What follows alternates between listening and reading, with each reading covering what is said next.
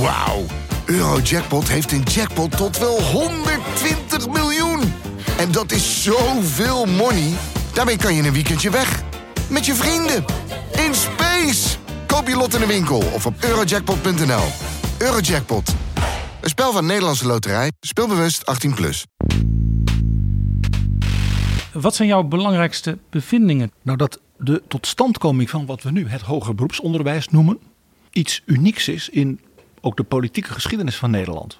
Namelijk, het is een onderwijsvernieuwing die is geslaagd. Die ook doet waarvoor ze oorspronkelijk was bedoeld. Dat is dus heel bijzonder. En eigenlijk alle docenten die ik daar tegen ben gekomen, hebben zelf ook een enorm maatschappelijk engagement voor hun studenten. Om die studenten te laten slagen in de maatschappij. Maar het HBO is in die zin op een hele andere manier naar buiten gericht dan de universiteit. Omdat ze dagelijks te maken hebben met die praktijk, met stagebedrijven, met allerlei uh, stakeholders in de omgeving. En dat doet iets met de sfeer in die school. En dat is heel erg can-do mentaliteit. Hè? Een beetje Rotterdamse handen, handen uit de mouwen. En niet lullen, maar poetsen. Dit is Betrouwbare Bronnen met Jaap Jansen.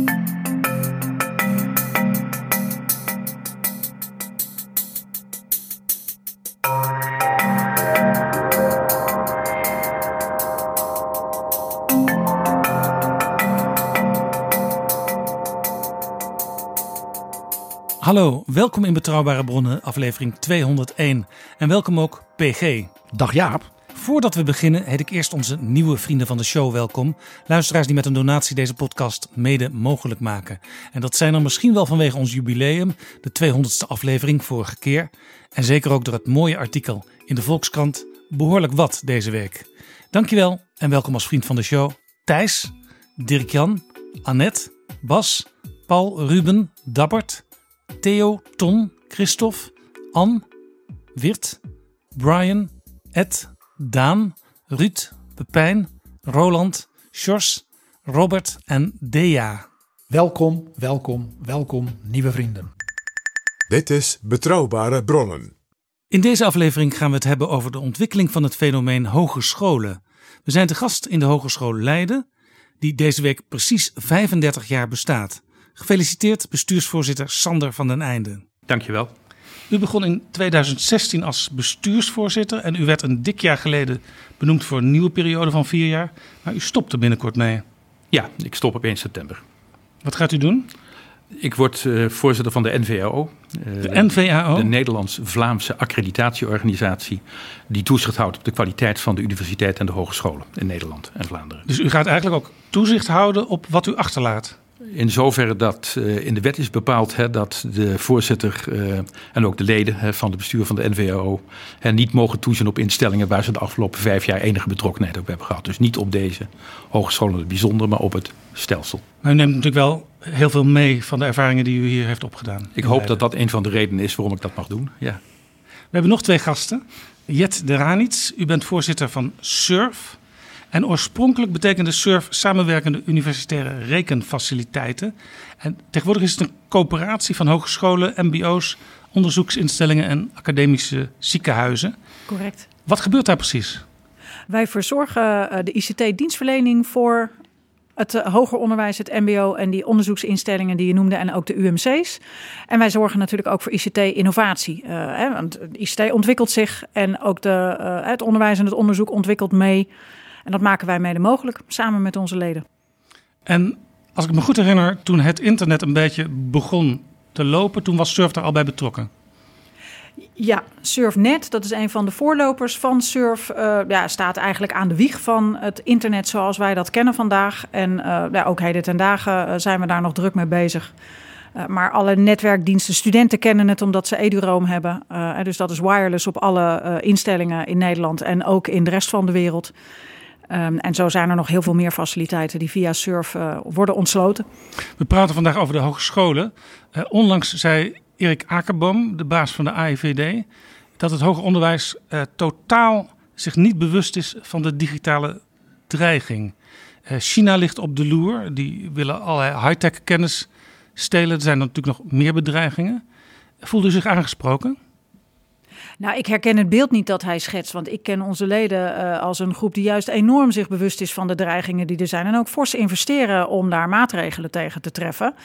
Ook vanuit het uitgangspunt dat het hoger onderwijs heeft om wel een open gemeenschap te willen blijven. Hè? Niet alles dicht te zetten, uh, want dat is goed voor onderwijs en onderzoek als het open is.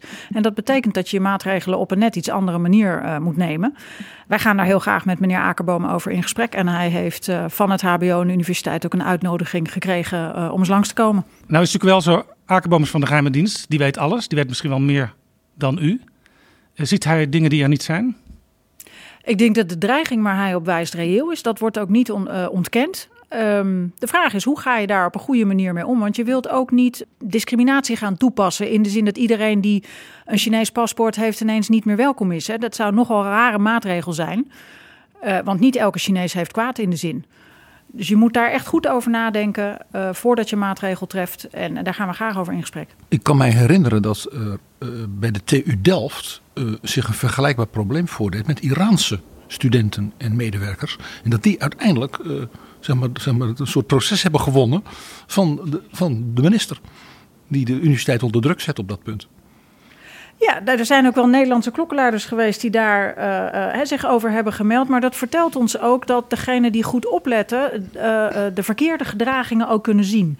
En wat wij moeten doen is een gemeenschap zijn waarin je die verkeerde gedragingen kunt melden en dat die serieus genomen worden. En dan kom je echt een heel eind. Ik las uw naam trouwens ook in de krant onlangs, want u wordt voorzitter van de Raad van Toezicht van het Kunstmuseum in Den Haag. Ja. Mooi. Mooie ja, combinatie, dat, ook dat surf zijn, en de kunst. Mooie, dat is een mooie bijbaan. Het is heel fijn dat ik dat mag doen. Ron Boormans is onze derde gast. Voor de vastluisteraars van Betrouwbare Bronnen bekend uit aflevering 126. Aan het begin van uh, dit lopende seizoen 3, dat we nu bijna afsluiten. Want toen waren we te gast op de Hogeschool Rotterdam, waar hij bestuursvoorzitter is. Welkom Ron Boormans. U ontving onlangs in Rotterdam koningin Maxima. En u vertelde haar dat iedereen zich verheugt op het weer volledig opengaan van de hogeschool. Maar dat u ook beducht bent voor wat er nog meer aan lijkt te komen, namelijk een Summer of Love.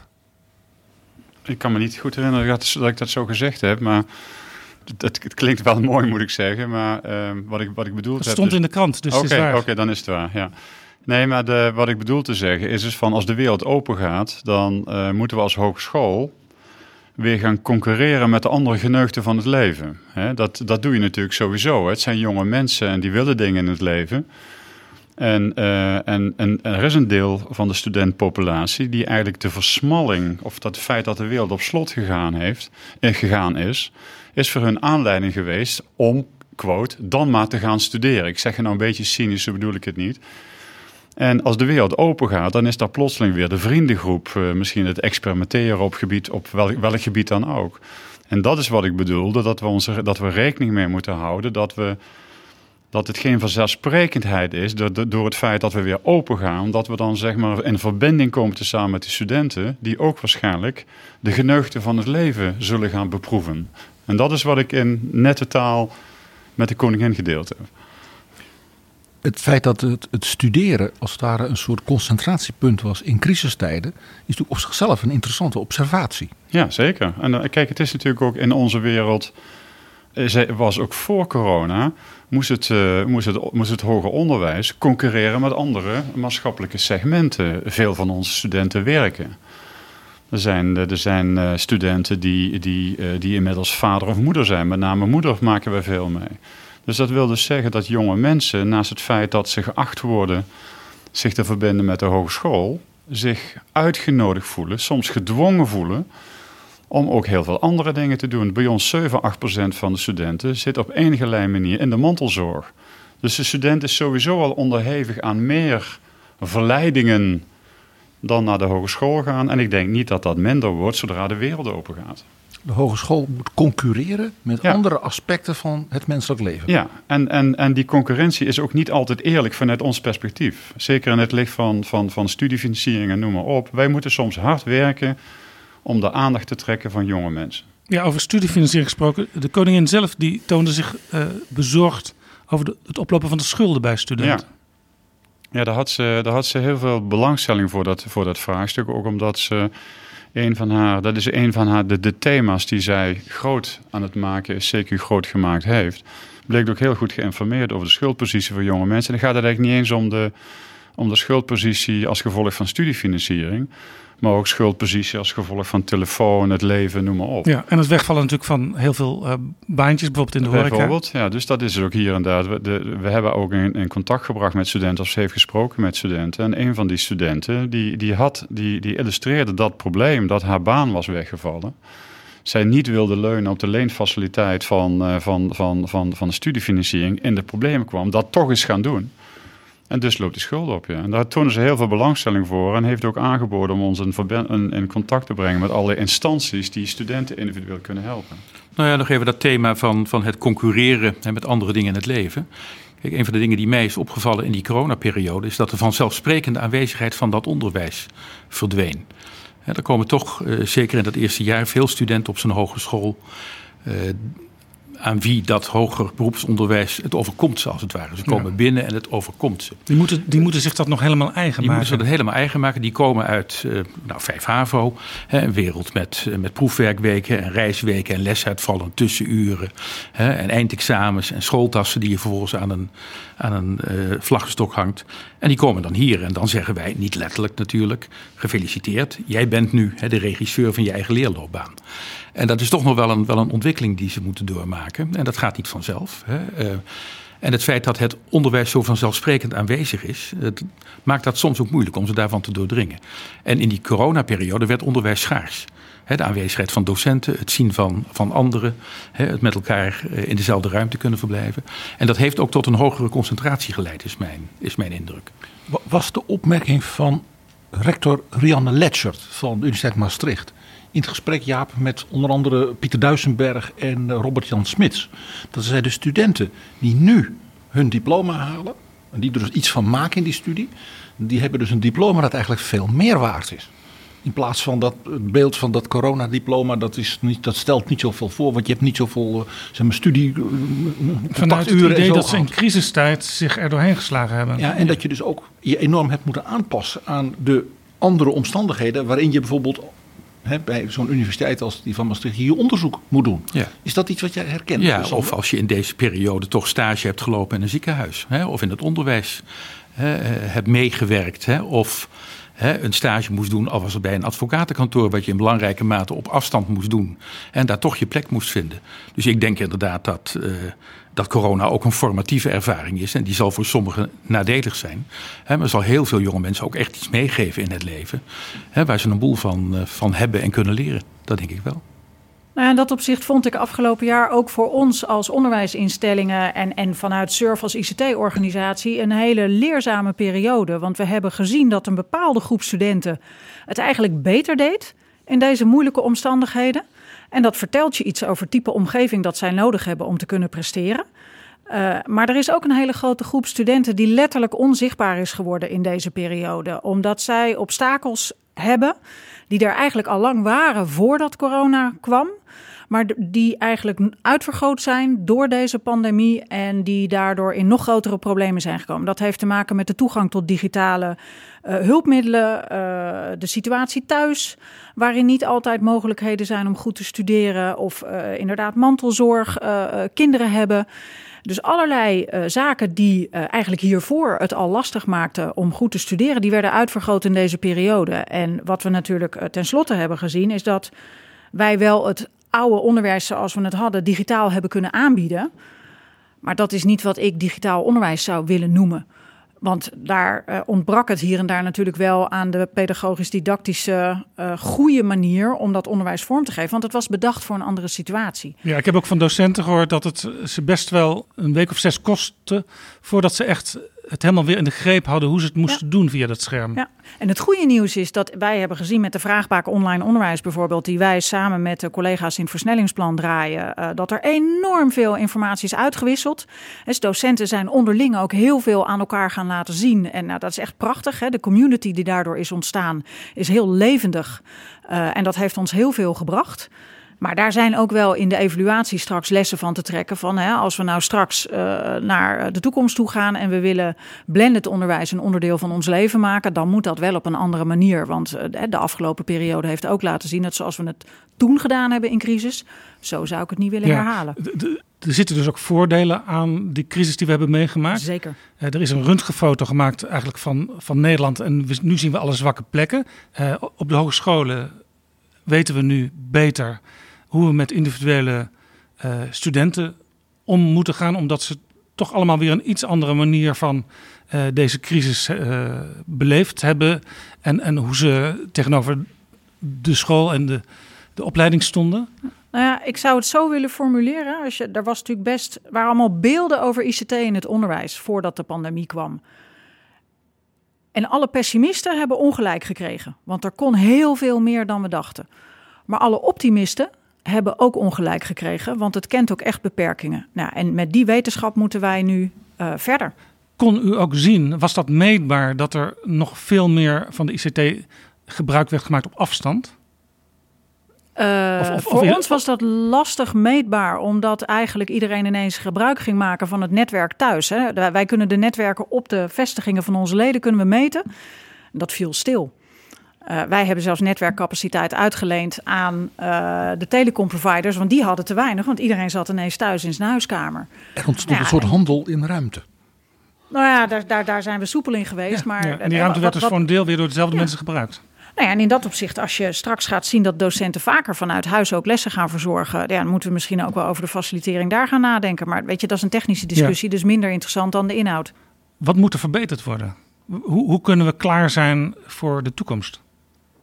Ik denk dat we echt serieus moeten nadenken over wat de juiste mix is in, in live bijeenkomsten. Hè, waar, waar, omdat de fysieke onder, eh, ontmoeting telt. En daar gaan de heren vast iets over zeggen. En wat je heel goed online kunt vormgeven. En, en wat eh, ook echt mogelijkheden geeft voor studenten die dat nodig hebben. Die je op de hogeschool weer minder goed kunt geven. Sander? Nou wat ik ook een interessant verschijnsel vond, is de manier waarop we zijn omgegaan met het bindend studieadvies. Nou, als we dat eens even als voorbeeld nemen. Een jaar of tien geleden is dat op de universiteit hogescholen geïntroduceerd. En in de kern komt dat erop neer dat als een student in het eerste jaar niet een voorgeschreven aantal punten haalt, dan moet hij of zij van die opleiding weg. Is vrij omstreden, hè, omdat we niet goed kunnen onderzoeken, ook niet goed kunnen zien, wat daar nou echt het effect van, uh, van is. In deze coronatijd hebben de, de hogescholen al vrij vroeg gezamenlijk gezegd: wij doen dat nu niet. De omstandigheden zijn zo bijzonder dat we dat niet doen. Dus twee jaar lang geen bindend studieadvies. En in de eerste plaats kun je dan toch iets beter vergelijken. Dus wat de er dan studenten mochten allemaal blijven Ja. als ze binnenkwamen. En ook als je misschien het gevoel had, het gaat met deze student toch nog niet echt geweldig. Maar, maar je zegt van, we, we kappen het niet. We hebben met al die studenten, ik denk dat dat bij andere hogescholen ook gebeurt, is hele indringende gesprekken gevoerd. Maar we sturen ze niet weg. Soms zeggen we het is beter dat je het jaar overdoet. Hè, eh, eh, stap opnieuw in een klas en probeer opnieuw mee te komen. Maar we sturen ze niet weg. En een tweede effect is dat eh, dat bindend studieadvies is in die tien jaar natuurlijk zo'n normaal onderdeel van het leven van docenten geworden. Die, die, die beschouwen dat ook als een, als een, een onwrikbaar gegeven. En nu we dat twee jaar niet gedaan hebben, leidt dat tot nieuwe ruimte hè, voor een gesprek over hoe adviseren wij die jonge mensen nou eigenlijk op een goede manier. En is dit dan de enige methode of zou je dat ook op andere manieren kunnen doen? Ja. Nou, dat geeft toch echt de ruimte in het gesprek. Want het idee achter dat binnen het studieadvies, als ik me goed herinner, was natuurlijk los van niet te veel geld uitgeven voor iets dat uiteindelijk niet gebruikt wordt. eh, dat je studenten ook op de juiste manier op weg helpt, eh, zodat ze later ook geen spijt krijgen. Nee, maar als ik daar een persoonlijke opvatting over mag geven. De bedoeling was om studenten die tegen beter weten in maar bleven hangen weg te kunnen sturen. Laat ik het zo maar eens even zeggen. Voor hun bestwil. En dat is toch verworden tot een hele generieke maatregel. Hè, waarin we zeggen als je hè, 47 punten hebt gehaald mag je door. En als je ze niet hebt gehaald dan moet je weg. En heel veel studenten gaan dan naar een andere instelling dezelfde opleiding doen. Hè, waar ze weer wel mogen beginnen. Dus we hebben dat toch wel op de automatische piloot gedaan. En daarom is het goed dat je daar weer eens even opnieuw over Ja, nadenkt. dus En eigenlijk zegt u, de regel zoals die was, is eigenlijk is het tegendeel uitgevallen en zou geschrapt kunnen worden. Nou, de, de regel zoals die was is tot een automatisme geworden. Hè, en dit nodigt ons uit om opnieuw na te denken over de vraag wanneer je en hoe je zo'n instrument wel en niet in moet zetten. Want er zijn echt wel omstandigheden hè, waarin dat eh, heel nuttig kan, kan zijn. Hè, maar, maar niet hè, op de automatische piloot. En dat was het wel geworden. Ja, dus niet terug nu, nu corona klaar is, hopen we althans. Nou ja, kijk, zoals niet het, nu terug naar zo zoals het in de wet is, is het zo dat alle hogescholen hè, zelf kunnen beslissen of ze dat instrument wel of niet gebruiken. Het was zo geworden dat alle hogescholen en alle opleidingen dat ongeveer op dezelfde manier gebruikten. En nu zie je dat een gesprek wat toch al wel werd gevoerd, doen we dat nou op een verstandige manier, dat dat een enorme slinger krijgt. Hè, en dat, dat is goed nieuws, denk ik, ook Ja. voor docenten. Ron Boormans, zelfde ervaring? Ja, ja, zeker. De- Ik heb het wel eens, eh, ik heb het eens vergeleken van wat, eh, wat eh, corona gedaan heeft. Die, het is als het ware iemand heeft op de reset-knop gedrukt van de computer. Hè? Dus je zet hem even helemaal uit. En je kijkt dan wat er gebeurt. Hè? Dat is eigenlijk ook wat, wat Sander zegt. Van, dus daarom is het een groot experiment. Hè? Je wordt plotseling gedwongen om thuis te werken. Je wordt plotseling gedwongen om te communiceren via... Je wordt plotseling gedwongen te werken zonder BSA. Dus een aantal van die impliciete zekerheden uit ons bestaan. Hè? Ik bedoel dan niet, oh ja, ook persoonlijk, maar vooral op de hogeschool.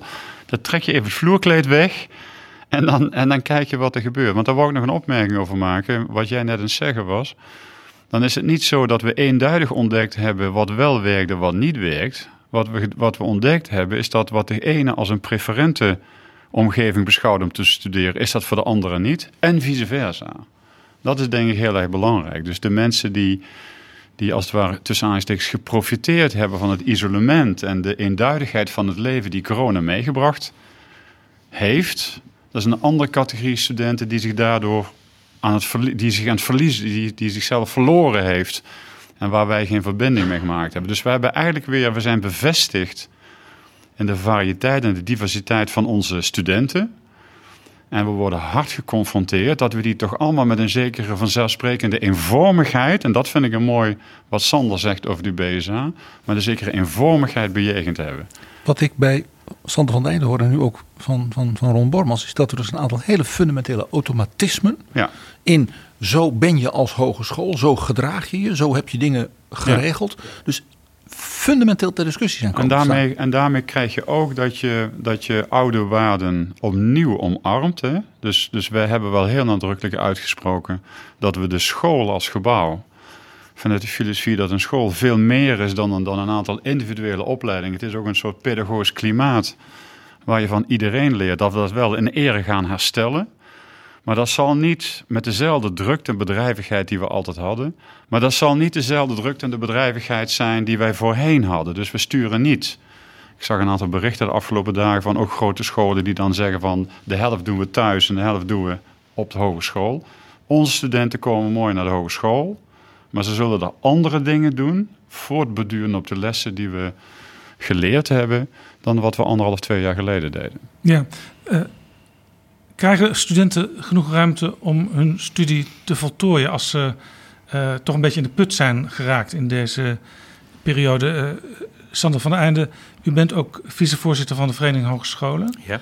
En u heeft gepleit voor een extra studiejaar en daarbij ook de studiefinanciering eh, die erbij hoort. De Tweede Kamer vond dat een goed idee. Maar is dat extra studiejaar er nu ook? Komt dat er nu ook? Nee, niet in die zin. Hè, maar de, de regering heeft daar wel een aantal dingen in gedaan. Een halvering van de, van de collegegelden. Hè, eh, aanvullende beurs die wat, wat langer doorloopt. eh, OV-kaart. Wij krijgen extra geld als hogescholen en universiteiten de komende twee, drie jaar om het te helpen. Hè, om die corona-ervaringen daar wat het nodig is te compenseren. Ja, dat zit in die 8,5 miljard van minister van Engelshoven voor het hele onderwijs. Ja, en daar krijgt het, krijgt het HBO een, eh, eh, een kleine 2,9 miljard van. Overigens, het overgrote deel daarvan gewoon om de groei van de studentenaantallen te, te compenseren. Hè, om ervoor te zorgen dat we voldoende docenten hebben om die studenten les te Ja, want er zijn geven. op veel fronten meer jongeren gaan studeren. Ja, de, eh, als je dat ook weer aan corona relateert, het hoger beroepsonderwijs en de universiteiten groeien natuurlijk al 50 jaar. Hè. Het, eh, het einde van die groei schijnt nu in zicht te zijn, maar voor mij zou het nieuw zijn dat dat ook echt, eh, echt gebeurt. En het afgelopen jaar zijn er, zijn er enorm veel studenten ingestroomd. Studenten namen geen gap year. Hè, er was geen centraal eindexamen waardoor 100% van de HAVO-leerlingen het eindexamen heeft, eh, heeft gehaald. Hè, overigens, je zou dan denken, dat zullen we wel merken in de studierendementen. Maar voor zover we dat nu kunnen zien, is dat helemaal niet zo evident. Zeer- zeer- dus dat hoort beperkt, weer ja. bij die vanzelfsprekendheden hè, waar wij mee leven. Hè, die je toch weer eens opnieuw gaat doordenken op deze manier. En overigens, eh, ook in het HBO is het niet zo dat studenten standaard in vier jaar hun diploma halen. Nou, dat zal er nu eens vijf of vijf en een half jaar worden. Hè, wat geeft het, zou ik haast zeggen, als ze ze maar goed door die, door die opleiding helpen, Ja. helpen gaan. En, en er is nog steeds ook structureel een tekort, hè? los even van dit geld wat uh, minister van Engelshoven en trouwens ook uh, minister Slop beschikbaar hebben gesteld. Uh, voor het hoger onderwijs is nog steeds een structureel tekort van ongeveer een miljard. Nou ja, er is een, is een discussie gaande wat zich met name aan de universitaire kant heel erg richt op de financiering van het onderzoek.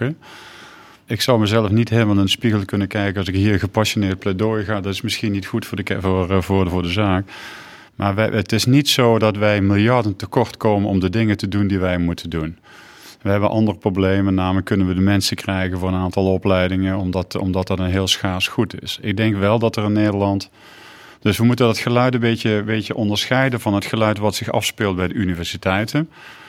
Dat is vandaag ook weer, uh, weer, hot news. Hè, naar aanleiding van een rekenkamerrapport, geloof ik. ik. Ik weet niet precies waar het vandaan kwam. Ik denk dat we aan de onderzoeksfinancieringkant voor de universiteit in het bijzonder, maar zeker ook voor ons, een been zouden moeten willen bijtrekken. Maar aan de onderwijsfinancieringskant, eh, ja, ik durf te beweren, ik gooi misschien een ruit in, maar de hoeveelheid middelen die Hogeschool Rotterdam krijgt, daarvoor kunnen wij de kwaliteit leveren die we nu leveren. Zeker ook met die, het is een beetje grillig die financiering, omdat daar een incidentele component in zit. En er zijn ja, een aantal... Dat gaan we allemaal niet bespreken. Nee, dat gaan we allemaal niet maar doen. Maar u bent dus redelijk tevreden met de middelen die u hebt. Dat geldt dan, neem ik aan, ook voor u, Sander van der Einde. Ja, dat geldt ook voor mij. Ja. Uh, als je kijkt naar hoe het onderwijs wordt gefinancierd, dan kunnen we daar inderdaad echt een goede kwaliteit voor leveren. Ik kan het ook omdraaien. Wij leveren echt heel goed hoger beroepsonderwijs. En dat doen we met de middelen die we hebben. Dus dat kan. Eh, en dan zijn er andere dingen inderdaad. Kunnen we de mensen vinden? Hebben studenten voldoende ruimte? We hadden het net over het leenstelsel. Uh, nou ja, dat, dat is toch wel benauwend voor een, eh, voor een grote groep jonge mensen. Dat werkt natuurlijk ook in dat onderwijs door. Dus ik zou, als we het toch over geld praten, eerder geneigd zijn eens even naar de studenten te kijken. wat hebben die nou nodig? En dat we als eerste een pleidooi houden om de budgetten van de hogescholen te verhogen. Ja, maar dat leenstelsel, dat lijkt nu toch echt wel zijn langste tijd te hebben gehad. Als ik tenminste alle verkiezingsprogramma's heb gelezen. Het kost een hoop geld, geloof ik, om dat anders te, te doen. Dus ik weet niet hoe dat zal. Maar ik zou, ik zou heel graag kijken. Ik was een aantal jaar geleden een hele felle tegenstander van het leenstelsel. En je ziet nu ook dat dat nu weer omslaat. Dat mensen op een vrij, vrij ongeklausuleerde manier dan dingen willen gaan terughalen, zoals ja. het heet. Ik denk dat we ook hier heel erg goed moeten kijken wat er gebeurt. Het grote probleem van het leenstelsel vind ik eigenlijk de oplopende leenhoeveelheid. Hè. Dus, dus, dus we, we, we hebben daarmee een signaal afgegeven. Lenen is normaal. En we sturen mensen de samenleving in met een forse schuld. Maar de vormgeving van een nieuw stelsel van studiefinanciering, we hebben alle twee dat vak uitgeoefend in de grijs verleden. Ik zou willen dat we daar. U, u bedoelt hiermee, u hebt allebei op het ministerie van Onderwijs ja, gewerkt en aan dit soort systemen geknutseld. Ja, we zijn ook allebei directeur studiefinanciering, studiefinanciering geweest. geweest. Dus we weten daar iets van, ook hoe de dynamiek is en de, en de, de dip en betaalde dynamiek, hoewel dat een poosje geleden is dat wij dat mochten doen.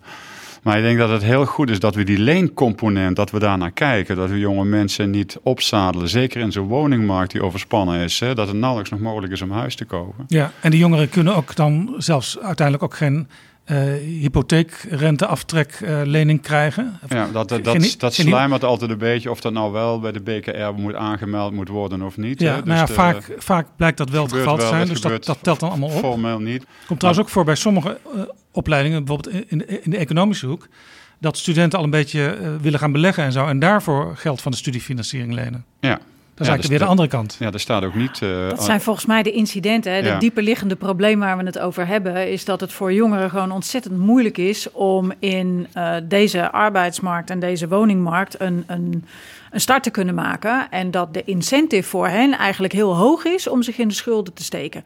En op het moment dat jij dan ouders hebt die ook een beetje geld hebben, dan komt dat allemaal wel op zijn pootjes terecht. Maar dan denk je, dat jij hun, hun is het ook gelukt, dus mij zal het ook wel lukken.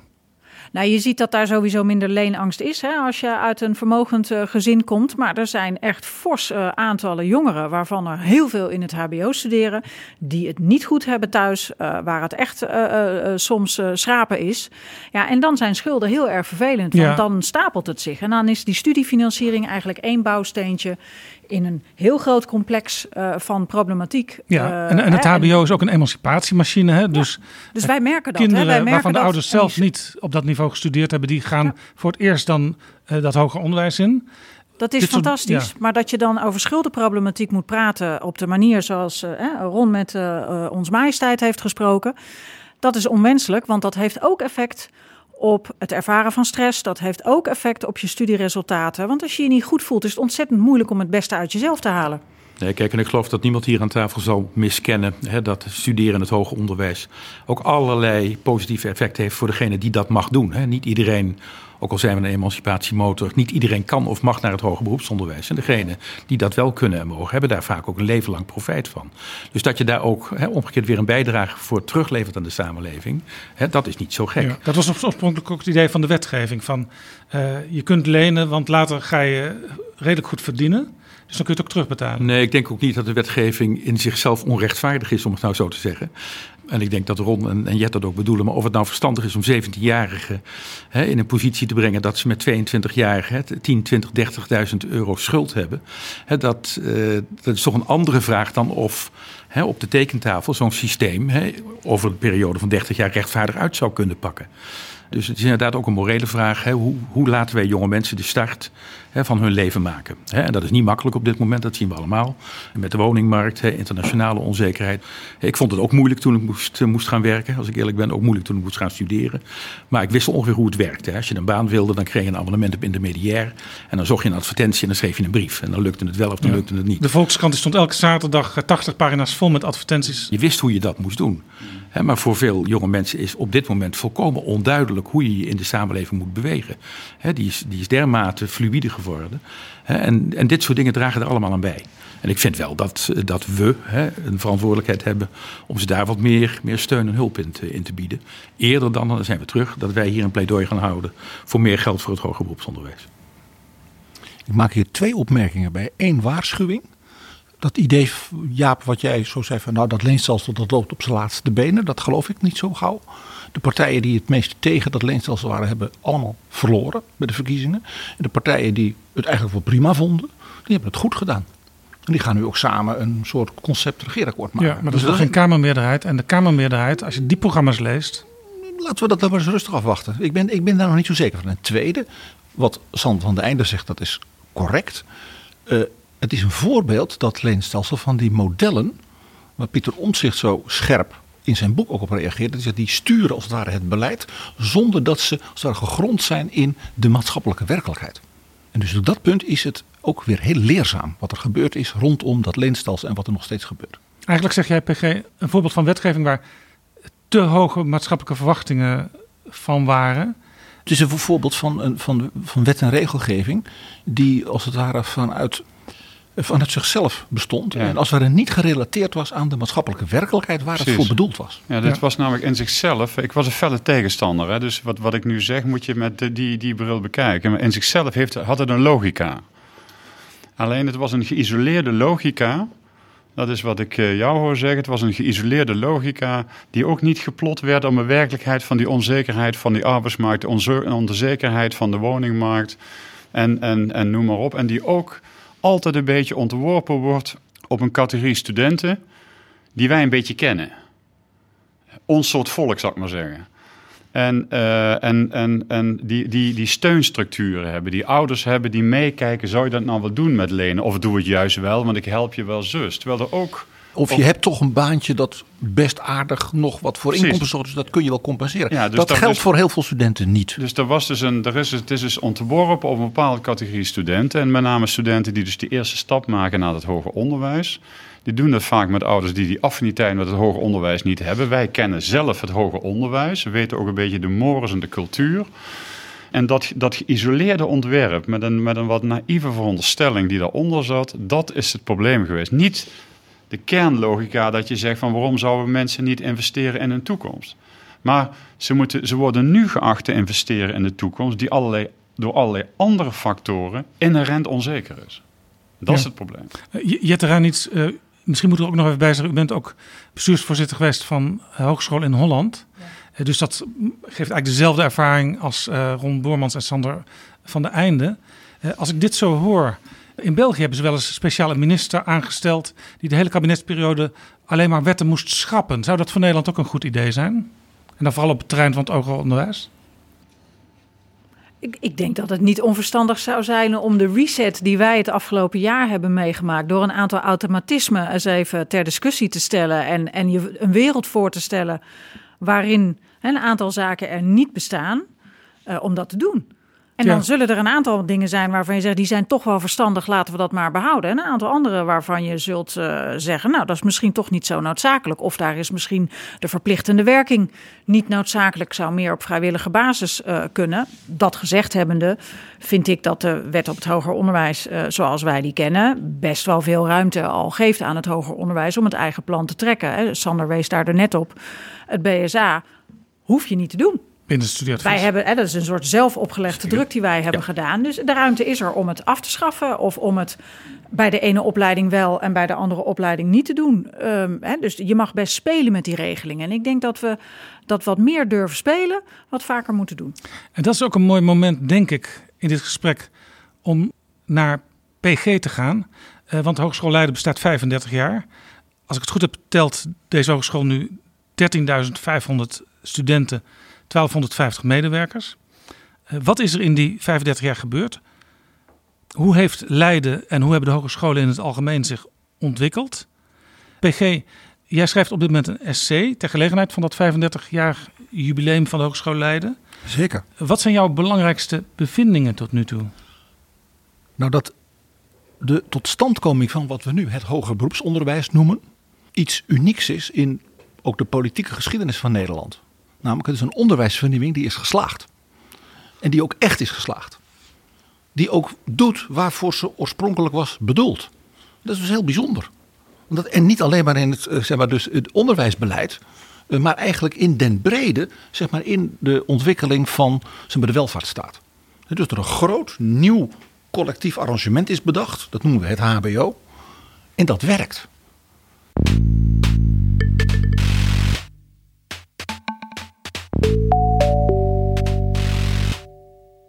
Begon zeg maar, halverwege de jaren 70, had ongeveer elk dorp in Nederland zijn eigen stukje HBO.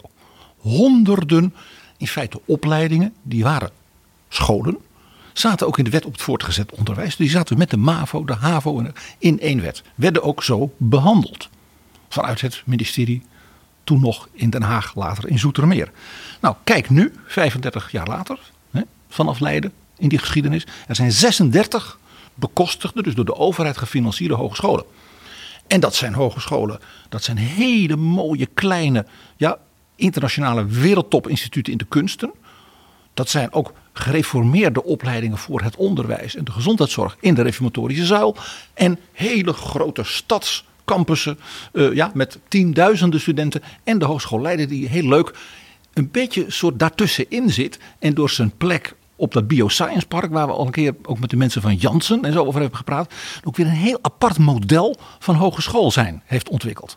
Dus het is van honderden naar nou, nauwelijks 40 gegaan. Waarbij grappig genoeg, dat is ook zo'n on- interessant aspect van dus die historische en politieke ontwikkeling. De diversiteit, de variëteit is toegenomen. Ja, en- Dat je dus van honderden ongeveer allemaal hetzelfde soort schooltjes, een HTS, een HAO, ja, eh, naar 36 heel interessant van elkaar verschillende karakteristieken bent Ja, gekomen. en, en zeg jij hiermee eigenlijk ook dat het huiselijke wat je misschien vroeger had, omdat het allemaal klein en fijn was, dat dat toch voor een groot deel ook behouden is gebleven? Nee, want dat huiselijke was in die tijd een aspect van het feit dat men dus eigenlijk een soort MAVO plus was. En ook zo werd behandeld. Mijn eigen vader was directeur van een kweekschool. En die moest dus echt voor elk materiële uitgave toestemming vragen van de ambtenaren op het ministerie. Inclusief dus krijt en potloden voor dus die leraren in opleiding. Dus toen dat nieuwe HBO kwam, met ook die nieuwe wet die zoveel meer ruimte gaf, moesten die honderden schooltjes, want dat waren het, in een enorm fusieproces ook met elkaar leren die ruimte te vullen. En dat heeft men dus in die nou, 35 jaar hier in Leiden en overal in Nederland dus hè, heeft men dat gedaan.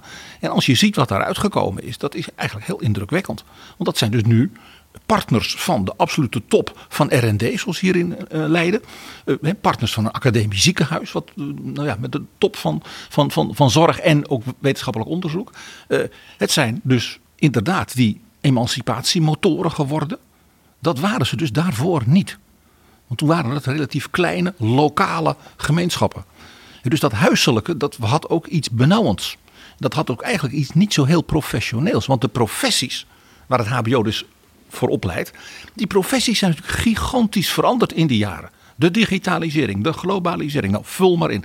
Alle grote maatschappelijke, economische, technologische veranderingen, die raken altijd als eerste heel sterk het HBO. Omdat het HBO de mensen vormt die daar als daarvoor moeten werken en in moeten werken. Dus het is ook een heel sterk uh, uh, dynamisch geheel. En dus die dynamiek van de inhoud, daar is men in geslaagd. En men is erin geslaagd dus de dynamiek van de, het, het, het vormen van dat nieuwe fenomeen hogeschool tegelijkertijd te doen. En men is ook nog een onderzoekssector geworden. Wat daarvoor überhaupt niet bestond. Onderzoek was iets voor het perkje van de academie. Uh, dat is allemaal dus helemaal veranderd. Dus het is een echt revolutionaire ontwikkeling in enkele decennia. Uh, en nou ja, er zitten dus nu op een haar na 500.000 jonge mensen in dat HBO. Het is toch wel bijzonder. Hoe kan dat? Want tegenwoordig is het idee, als je naar hele grote overheidsprojecten kijkt, dat die uh, op het eind altijd blijken te mislukken. Maar dit is blijkbaar een met glans geslaagd fenomeen. Ja, dat is dus vandaar dus mijn onderstreping van, van hoe bijzonder dat is. En dat is ook te danken, moet ik zeggen, uh, aan zowel de beleidsmakers, de mensen die het denkwerk hebben gedaan bij de ontwikkeling van dat hoger beroepsonderwijs, als ook gewoon aan het hoger beroepsonderwijs zelf. Uh, die hogescholen hebben echt nou ja, iets weten te maken van hun maatschappelijke opdracht. En uh, ja, ik zeg altijd bij het HBO petje af. En betekent dat dat alles altijd meteen maar goed gaat? Tuurlijk niet. Uh, er zijn al, zelfs, zelfs begrippen. Hè, dat de naam van een bepaalde hogeschool werd een soort begrip voor chaos en puinhoop. Bleek allemaal achteraf tamelijk niet heel erg terecht. Maar goed, de zelfkritiek, want dat is een tweede punt dat ik nog even wil onderstrepen.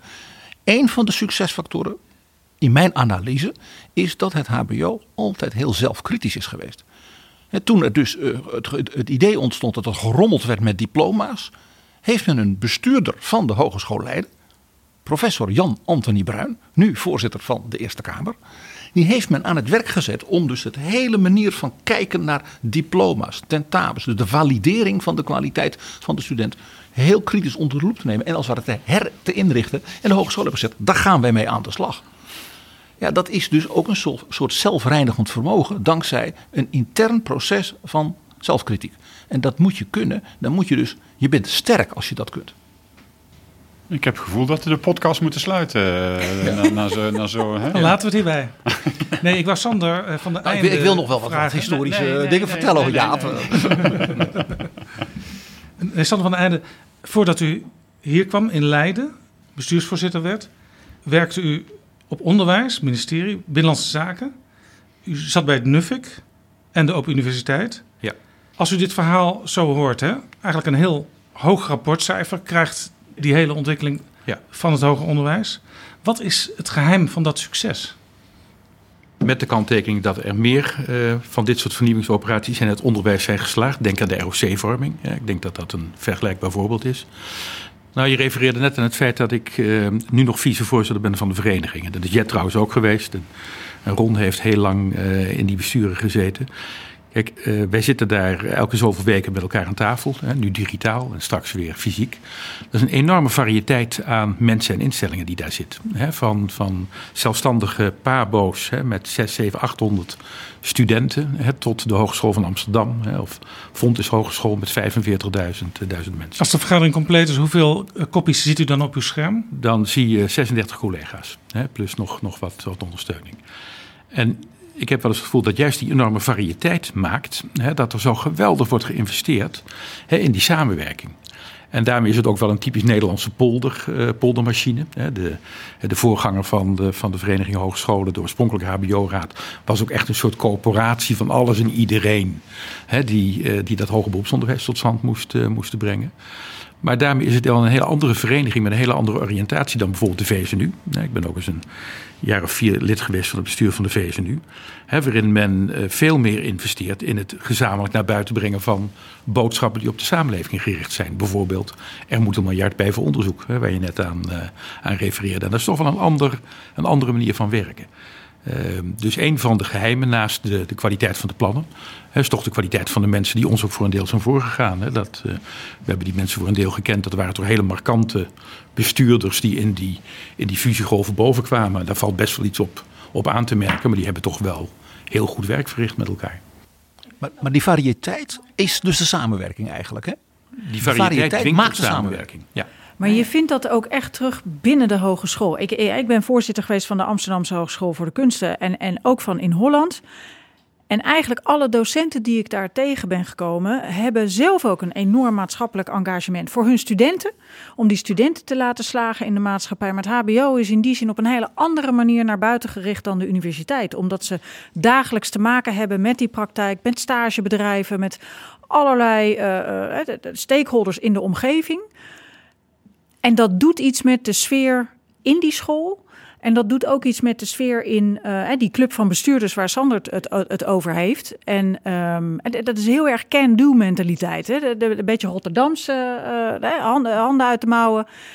Uh, en, en niet lullen, maar poetsen. En ja, dat, dat vind ik gewoon ontzettend mooi aan het HBO. Maar, dat, maar, maar dat, dat zie je eigenlijk in alle lagen van die organisatie. Ja, dat is inderdaad heel leuk dat je dat zegt. Toen ik hier uh, vijf en half jaar geleden kwam, komend van een, van een universiteit, hè, was het eerste, wat mij, het eerste woord wat ik leerde was werkveld. Hè, dat, uh, herkende dat woord wel, maar ik wist niet dat dat zo'n enorme betekenis had. En een van de eerste dingen die me opviel is dat al die faculteiten die we hebben, die hebben ook allemaal de kleur van dat werkveld. Want de mensen die daar lesgeven en, en managen, die komen daar vandaan. dus de faculteit gezondheidszorg, uh, verpleegkunde, die heeft heel sterk dat, dat can-do. Ook wel een beetje het hiërarchisch, veel geprotocoleerde. Nou, dat is echt heel anders als je bij sociaal werk komt. En ook dat moet allemaal weer samenwerken in zo'n school. Daar, helpt geen moedertje lief aan. Dus die variëteit, die dwingt, zeker die nodigt heel erg uit tot samenwerking. Want je kunt het ook niet zonder elkaar. Eerder in dit gesprek uh, merkte ik bij u dat u blij bent met de hoge mate van zelfstandigheid die u op bestuursniveau heeft ten opzichte van Den Haag. Ron Boormans, u heeft in 2016 gepleit voor radicale decentralisatie. Dus eigenlijk ook binnen de hogeschool zelf nog, nog verder de besluiten op een lager niveau eh, brengen. Is dat gelukt? Ja, half wel, half niet. Ik ben een groot voorstander van de autonomie, maar vind ook dat ik onderdeel ben van een familie. Dus uh, ik denk wat, uh, wat eh, Sandra Jet ook zeggen, is dat we ook een soort collectieve identiteit hebben. Hè? Het HBO. En dat zit hem dan in dat werkveld en, die, en dat engagement. Dus dat is belangrijk.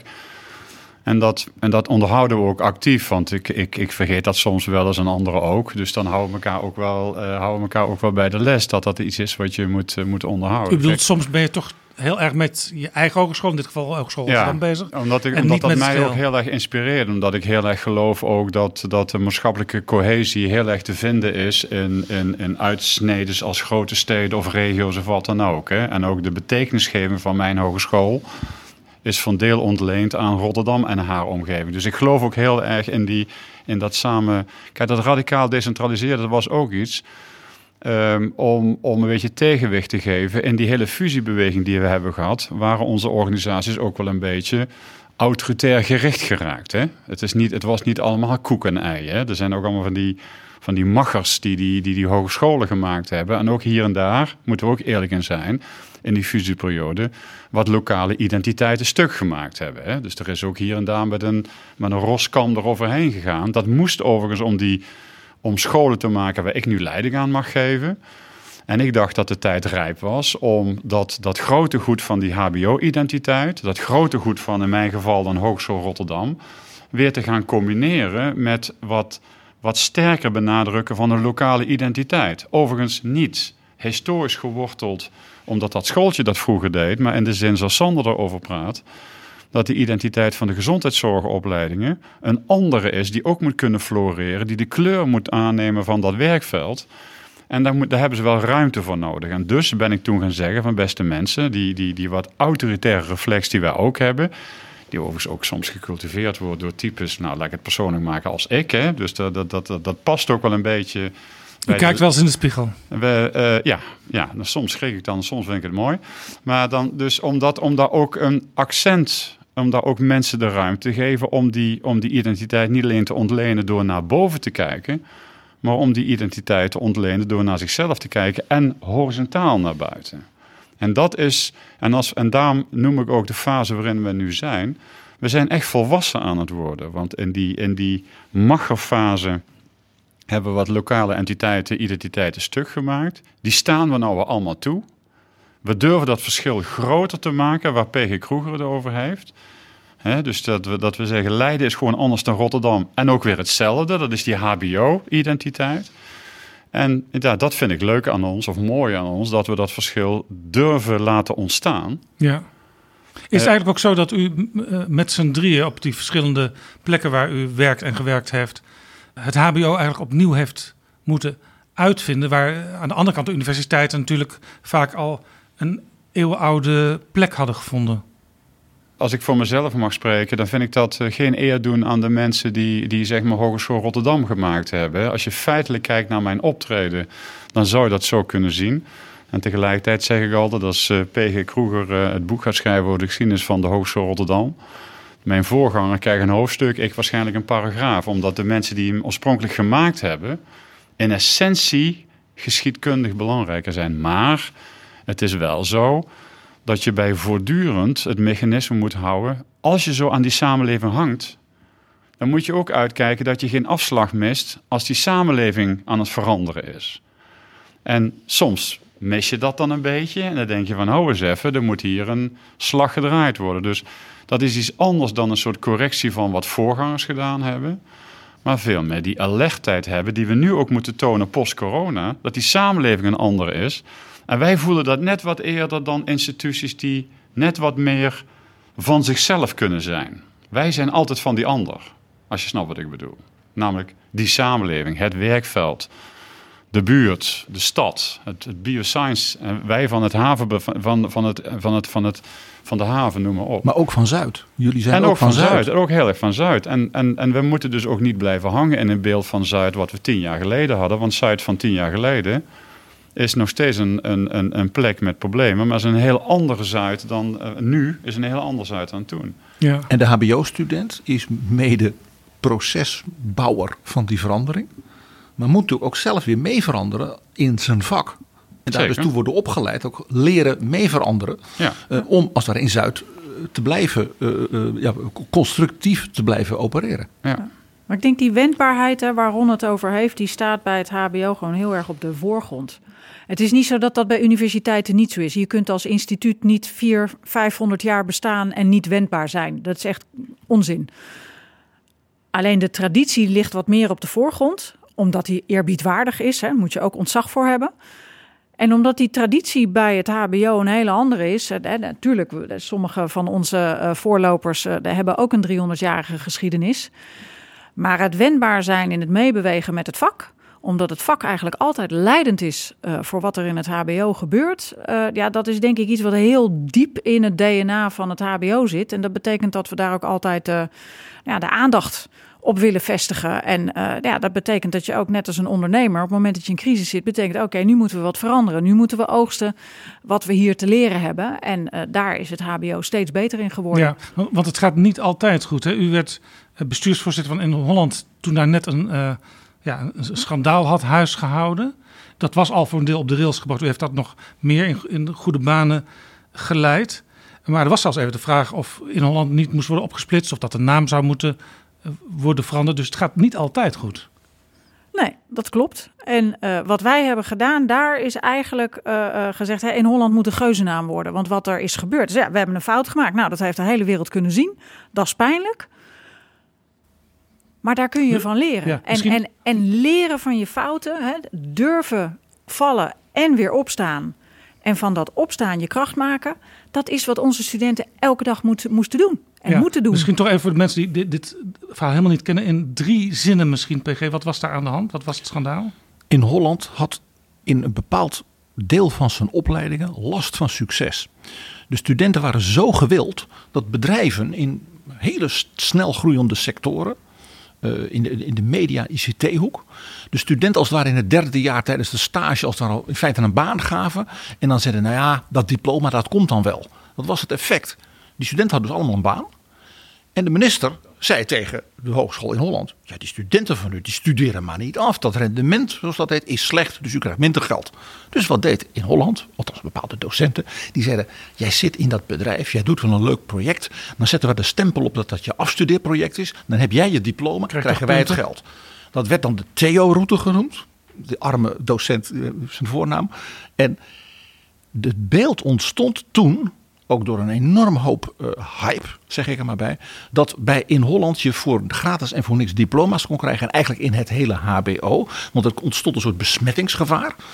Uh, uh, dat het HBO maar wat aan rotzooide. En, en toen kwamen dus allemaal verhalen dat die mensen rijden allemaal hele dure auto's. En de ja. studenten hebben geen goed, contacturen. Dat was het beeld. Dat was het verhaal. Dat is nu allemaal uh, niet meer aan de orde. Nee, want men heeft dat dus intern gesaneerd. En dat is dus een voorbeeld van wat ik zojuist noemde. Dat zelfreinigend vermogen. Dat heeft dus niet de minister gedaan. Heeft de inspectie niet gedaan. Dat hebben ze zelf gedaan. Maar Jetra Niets, toen u net was aangetreden.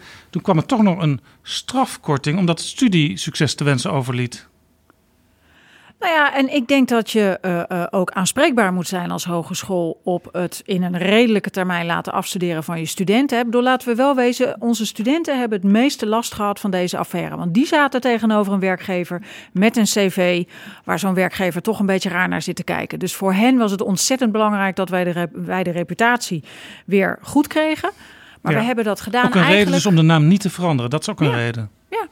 En ook om uh, te laten zien dat het erom gaat dat je leert van fouten, dat je het beter kunt doen. En je daar niet voor te schamen. Hè, wat je moet doen dan is het erkennen en laten zien dat het op een andere manier uh, beter gaat. Want er zijn natuurlijk nog steeds heel veel studenten met uh, allerhande soorten loopbaan. De een krijgt heel snel een baan, moet een manier vinden om af te studeren. De ander heeft er meer tijd voor nodig. Weer een ander heeft een gezin thuis en, en moet om die reden een alternatieve route verzinnen. Dus het feit dat je op een andere manier dan nominaal afstudeert, is niet het probleem. Waar het om gaat is dat je veel meer rekening gaat houden met die persoonlijke situaties. En dat je dat op een gecontroleerde uh, en, en, en, verifieerbare manier doet. Ja. Zodat niemand hoeft te twijfelen aan dat diploma. En, en dat heeft heel veel energie losgemaakt. En gebeurt dat nu ook meer dan het toen gebeurde vanuit Den Haag? Geven ze de scholen, de hogescholen, meer de ruimte om die individuele student uh, beter in de peiling te houden over de vorderingen? Ik weet niet of dat nou per se uit Den Haag, Den Haag komt. Ik denk dat dat nee, echt Den Haag binnen, binnen, de ho binnen de hogescholen nu... Ja, ja maar dat is geweest. Nee, dat is al echt een, een ja. lang geleden. Dus ik denk binnen de hogescholen wordt daar nu nagedacht... Uh, wordt, wordt er vorm gegeven aan die arrangementen.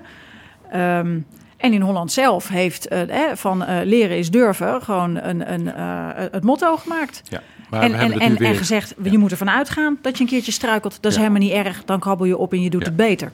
Maar ook even iets weg te halen bij in Holland. Kijk, die strafkorting, zoals, uh, zoals jij het noemt, die hebben alle hogescholen die hier nu aan tafel zitten gehad, overigens. Hè, dat, uh, uh, dus dat, dat overkomt er meer. Kijk, een van de, van de dingen die aan de orde was, is natuurlijk: wat is nou een. een goed afstudeerwerkstuk voor een HBO-student. wij, zijn natuurlijk allemaal geneigd om te denken: nou, dat zal een scriptie zijn. Hè, of iets wat daarop lijkt. Hè, of. of een onderzoek, iets in die richting. terwijl voor heel veel HBO-studenten de beroepspraktijk een hele andere is. Verpleegkundigen schrijven geen, geen scripties op hun werk. Dus het heeft ook een hele tijd geduurd. En er is ook heel veel energie in gestopt, ook mede naar aanleiding van dit soort affaires. Om met elkaar goed te beschrijven wat nou werkstukken zijn Waar uh, hogeschoolstudenten goed op kunnen afstuderen. En in welke omstandigheden de ene vorm of de andere vorm nou het beste is. En dat maakt het heel goed mogelijk om wat vroeger de Theo-route heette, nu op een hele goede gevalideerde manier te doen. Alleen dan noemen we het lerend werken of duaal of iets anders. Hè, en dan is het een, een uitgesproken goed voorbeeld van hoger beroeps. Dus zelfs deze Theo heeft het proces uiteindelijk geholpen? Nou, ik weet ja. niet of iedereen in Holland daar nee, zo over denkt. En, maar... ik weet niet of Theo er zo over denkt. Maar, uh... maar het, het, het, is in die zin zo hè, dat het, het kunnen afstuderen op een beroepsproduct, want ja. zo heet dat dan met een formele term. Het betekent dat je, dat je een, een proeven doet eigenlijk van hè, beroepsmatig handelen of een advies dat je geeft of een kunstwerk dat, dat, je, dat je maakt. Dat is eigenlijk je eindproduct. En dat moet zo goed in elkaar zitten dat de docenten eigenlijk vast kunnen stellen: als jij je theorie niet had beheerst, of je had je onderzoek niet goed gedaan, of je had geen goede analyse gemaakt van het werkveld, dan had je dit product niet kunnen maken. En als dat product goed is, dan volgt daar eigenlijk uit dat alles wat daaraan vooraf ging ook van het juiste niveau is. En dat is heel erg praktijkgericht en heel erg HBO. En het grappige is dat dit natuurlijk, u was voorzitter van de Amsterdamse Hogeschool voor de Kunsten, natuurlijk typerend is voor dat zeer selectieve, zeer hoogwaardige, wereldberoemde kunstonderwijs in Nederland. Want dat deed dat altijd al. Ja, Namelijk dat, dat, je danste, de, ja. dat je speelde, dat je ja. zong, dat je beeld, beeldhouwde en wat al niet. En de, eigenlijk het HBO dat als het ware heel erg van die, die kunstopleidingen geleerd heeft. maar dat kan dus ook in de verpleegkunde, dat kan ook in de tuinbouw, kan ook in de informatica en ga zo maar door. Ja, chirurg laten we ook niet afstuderen op een scriptie. Hè? Dat, uh, je moet iets kunnen. Het was wel een interessante tijd, omdat dat ook wel, als je terugkijkt naar het collectief van het HBO, heeft dat toen ook even de, onder, de onderlinge verhoudingen getest. Ja. Ja, want, Ook de eh, solidariteit. ja, dus, dus, dus de, want de, de, de situatie was toen zo dat, eh, dat, dat het ging om in Holland. Maar aan de slipstream van in Holland waren er vier andere hogescholen waar de inspectie ook wat dingen ontdekt had. Ik had de eer om, eh, om eh, een van die vier andere hogescholen te representeren. En dat, dat leidde tot hele nare dingen. Dat we daar zaten met, eh, met hoorzittingen in de Tweede Kamer, met draaiende camera's. En, eh, en nou ja, die anekdotes zal ik allemaal niet vertellen, maar wel heel pittig. Ja. Dat er dus ook eh, met de draaiende camera studenten daar neergezet werden. Die mochten uitleggen wat voor ellende zij hadden met, met, met deze kwestie. Dus heel pittig. ja. En de Tweede Kamer is ook vaak van grote stappen snel thuis. Ja, zeker. En dat was echt een, eh, dat was echt een heftige toestand. Want op een gegeven moment werd de vraag gesteld of we dan spijt hadden. Of excuses wilden aanbieden. En die Kamerleden hingen een beetje in die stoelen. En toen een van die, eh, toen twee bestuurders zeiden dat gaan we niet doen. Waaronder ik. Overigens toen, toen plotseling, toen kwamen ze naar voren eh, onder leiding van meneer Klaver van om eens even die bestuurders aan de tand te voelen. Dat zijn hele pittige omstandigheden zijn dat. Die ook de neiging hebben van het geheel om zich daar dan van te distancieren. de, de, de, het munten van deze kwestie met de naam van die hogeschool, waar ik me altijd tegen verzet heb, dat is ook een poging om het dan te contamineren tot die hogeschool. Terwijl de kunst van het vak is om te, om te analyseren wat daar gebeurde. Zit dat ook niet in de rest van het stelsel? Ja. En elkaar ook met dat leerproces En, ja, te helpen. En dat hebben, uiteindelijk hebben dat, is dat weer gelukt. Dat, dus, dus, dus ook dit verhaal loopt gelukkig goed af. Maar toen was het even spannend. En dat snap ik ook wel, want eh, ik heb daar gezeten samen met die andere collega's. Dus dat is niet plezierig.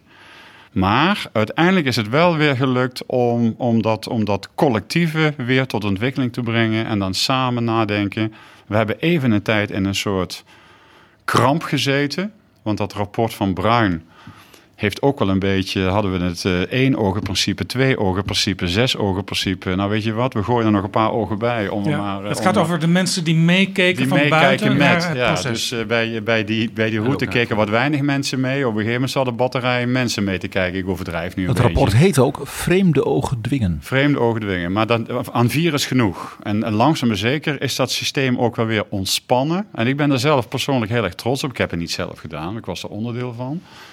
Dat ook het HBO deze hele kwestie overleefd heeft in die zin dat we nog steeds die collectieve eh, identiteit hebben. En er ook van hebben durven leren, want het systeem is weer aan het ontspannen. En de laatste stap in die ontspanning zetten we nu de NVO onder leiding staat van de heer van de Einde. En dan wordt het helemaal een losse boel. Je wou me een opdracht meegeven. Ja, nou, de, de, met de luisteraars als, eh, als getuige gaat hij daar nu iets over zeggen. Ja, dat is dus gevaarlijk, hè? Dat, dat u denkt, eh Sander van der Eijden, in uw nieuwe baan straks.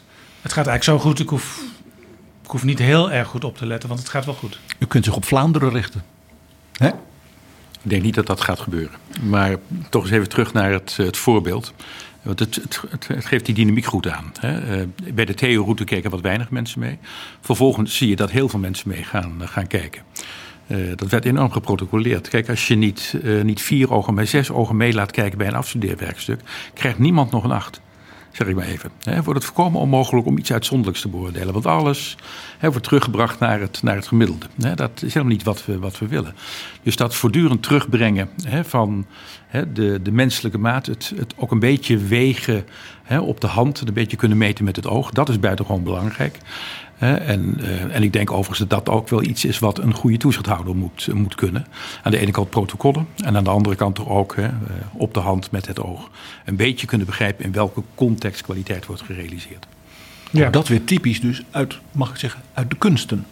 Want bij de kunsten kun je natuurlijk een heleboel protocollen hebben. Maar op een bepaald moment zeggen, ja, deze jongen of dit meisje, die, doet iets dat in dat kunstvak zo bijzonder is. Of zo apart. Of eh, du jamais vu. Nee, zeker, dat je maar- zegt van, ja, daar moet je iets van vinden. Ja. Zonder dat je dat kunt protocolleren. Nee, maar het, is, het, het doet zich ook voor in de verpleegkunde of in het onderwijs. We hebben hier, als ik dat voorbeeld mag noemen, een paar jaar geleden een project gehad. Dat heette de Gouden Professional. En dat bestond ik uit twee, twee stappen. Eén, interview beroepsbeoefenaren en vraag nou...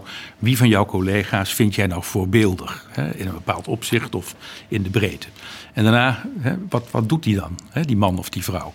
En wat blijkt dan? Dat is een verpleegkundige die het vak beheerst, de methode kent, de protocollen uh, in acht neemt. Maar op het goede moment het juiste doet. Daarvan af weten wijken. En voor een patiënt wat extra zorg biedt of iets ziet, waardoor de diagnose scherper wordt. Dat kennen we allemaal uit de klas. die, die ene onderwijzer die dat kind ziet.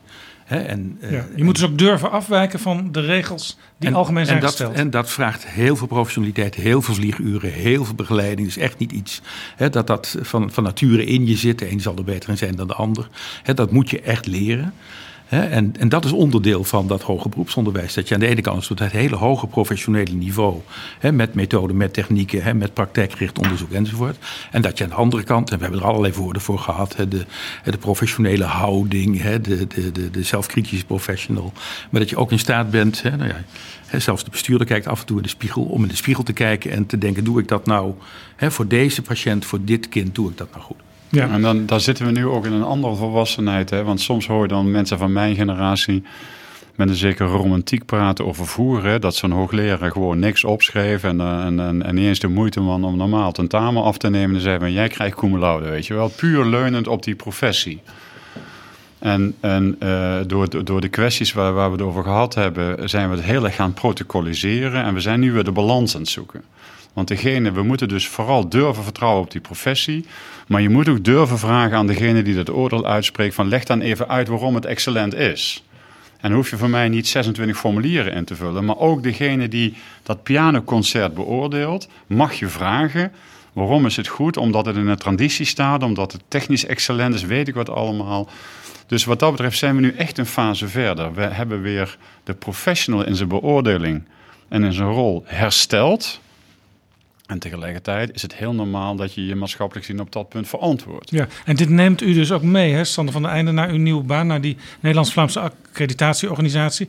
Dan kunnen we dat noteren, dan weet iedereen waar die aan toe is binnenkort. Ja, maar ik denk dat de ervaring hè, met, uh, met de kwaliteitszorg in het Nederlands hoger onderwijs, in het hoger beroepsonderwijs, en dat doet niet hè, die NVRO zelf, hè, daar komen panels van deskundigen eh, voor. Hè, dat een panel wat verstand heeft van verpleegkunde, hè, op allerlei manieren, dat die dat meeweegt. Hè. De ervaring is ook dat uh, die kwaliteitszorg en die bezoeken die worden afgelegd en die oordelen worden uitgesproken, ook heel vaak goed niet alleen geaccepteerd worden, maar ook als heel behulpzaam en leerzaam worden, worden ervaren. en, en, onderdeel van elk stelsel van kwaliteitszorg is toezicht en tot bloei brengen. zorgen dat het groeit. dus dat is altijd de balans. Dat is niet omdat ik daar. Uh, die, accre die accreditaties zijn vaak ontzettend mooie momenten. Hè? Het is heel erg spannend. Maar dat hoort er ook een beetje bij. Hè? Dat is net als met, met examen doen. Als dat niet spannend is, ja, dan kun je ook afvragen wat de waarde is van het diploma wat je dan daarna wordt Dat is dus zeg maar ook voor bestuurders hetzelfde gevoel als examen doen voor een student. En, en ook voor de hele ploeg docenten die daar aan de lat staat. Want die zijn trots op hun opleiding. Die weten dat ze leerpunten hebben. Als het goed is, hebben ze die ook allemaal opgeschreven in de zelfevaluatie. En dan gaat het gesprek over hoe gaan we hier nou mee om? En daar word je over aan de tand gevoeld door een, uh, een groep van uh, deskundigen. die ook echt weten waar ze over praten. Ja, als dat een mooi gesprek is en dat leidt tot goede aanbevelingen. dan kun je daarna ook weer verder als opleiding. En de meesten zien dat ook echt als heel waardevol. Ik eh, heb zelf het genoegen gehad, wil ik onderstrepen, om van heel veel van dat soort panels en commissies secretaris geweest te zijn. Uh, van kunst tot werktuigbouwkunde tot toerisme en wat al niet. Uh, opleidingen. En wat, wat Jet Ranitz hier zegt, dat is heel herkenbaar. Men vindt het spannend.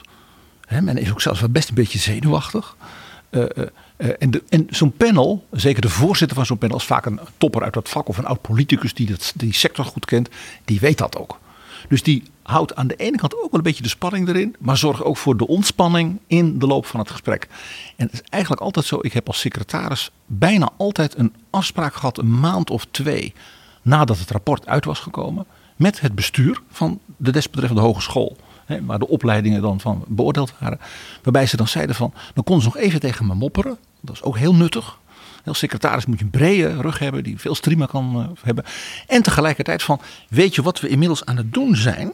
En dan was er bijvoorbeeld één opmerking van één zo'n panellid tegen bijvoorbeeld een docent. En toen, dat was dus als het ware, dat muntje was gaan vallen. En dan merk je dus dat er dus als het de, de, de, zowel de impliciete als de expliciete werking van dus die beoordelingen, dat, dat soort rapportages, dat heet toen nog visitaties, dat, dat die soms heel diep zijn. Dat die gaan soms heel diep doorwerken. Tot zelfs in zo'n hele sector. Dat men met elkaar staat. We moeten anders gaan praten over de toekomst van ons vak bijvoorbeeld. Dat speelde toen bij de toerismevisitatie bijvoorbeeld. Dat het toerisme bijvoorbeeld duurzamer zou gaan worden. En dat het niet een soort milieufreaks dingetje was. Nou, dat was nogal wat voor die hele sector. Dit is Betrouwbare Bronnen, een podcast met betrouwbare bronnen.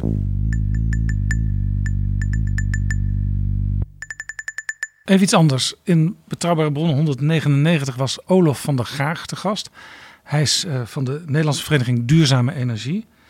En hij luidde de noodklok. Dat hebben we natuurlijk al vaker gehoord, maar hij zei het opnieuw. Er zijn veel te weinig jongeren die technische vakken kiezen. En hij gaat over de energietransitie die te bevorderen. Die dreigt daardoor vertraging op te lopen. Herkent u dit? Ja, dat is zeker zo. Ja. Overigens, overigens ik, ik, herinner me trouwens dat u dat ook ja, hebt gezegd al in Betrouwbare Bronnen een aantal afleveringen geleden. Uh, uh, ja, Betrouwbare Bronnen 126 komt er ook naar voren. Uh, maar het is, het, om, om, om, te beginnen even de cijfers. Het aantal mensen die techniek studeren is gegroeid de afgelopen jaren. Ik bedoel, uh, er was ooit een keer een rapport van Martin van Pernis. Toen was het 1 op 6. We moesten naar 1 op 4. We zitten op 1 op 5. Nou, ja, we zijn halverwege. Vind ik toch netjes, hè? Maar de urgentie laat zich ook nee, maar ik, zijn, ik, ga, ik ga, niet bagatelliseren. Het is ook altijd wel belangrijk om, uh, om, uh, om het even uh, qua, qua feiten en de context te plaatsen. Van mijn hogeschool zijn 10.000 studenten, is een kwart studeertechniek. Nou, dat is niet niks. Er is een groot, er is een groot probleem. En, de, en er is een disbalans in mijn ogen van waar we mensen voor opleiden. dus het is van mij bekend dat ik van, dat ik van mening ben dat we te veel mensen toegeleiden naar de economisch georiënteerde ja. opleiding. Ja, u zei toen tegen mij en tegen PG uh, dat u de ICT-opleidingen, met name de ICT-opleidingen, een extra impuls uh, wil geven. Hoe, hoe, hoe gaat u dat doen? En misschien kan Jet daaraan iets ook meeluisteren of dat de goede weg is.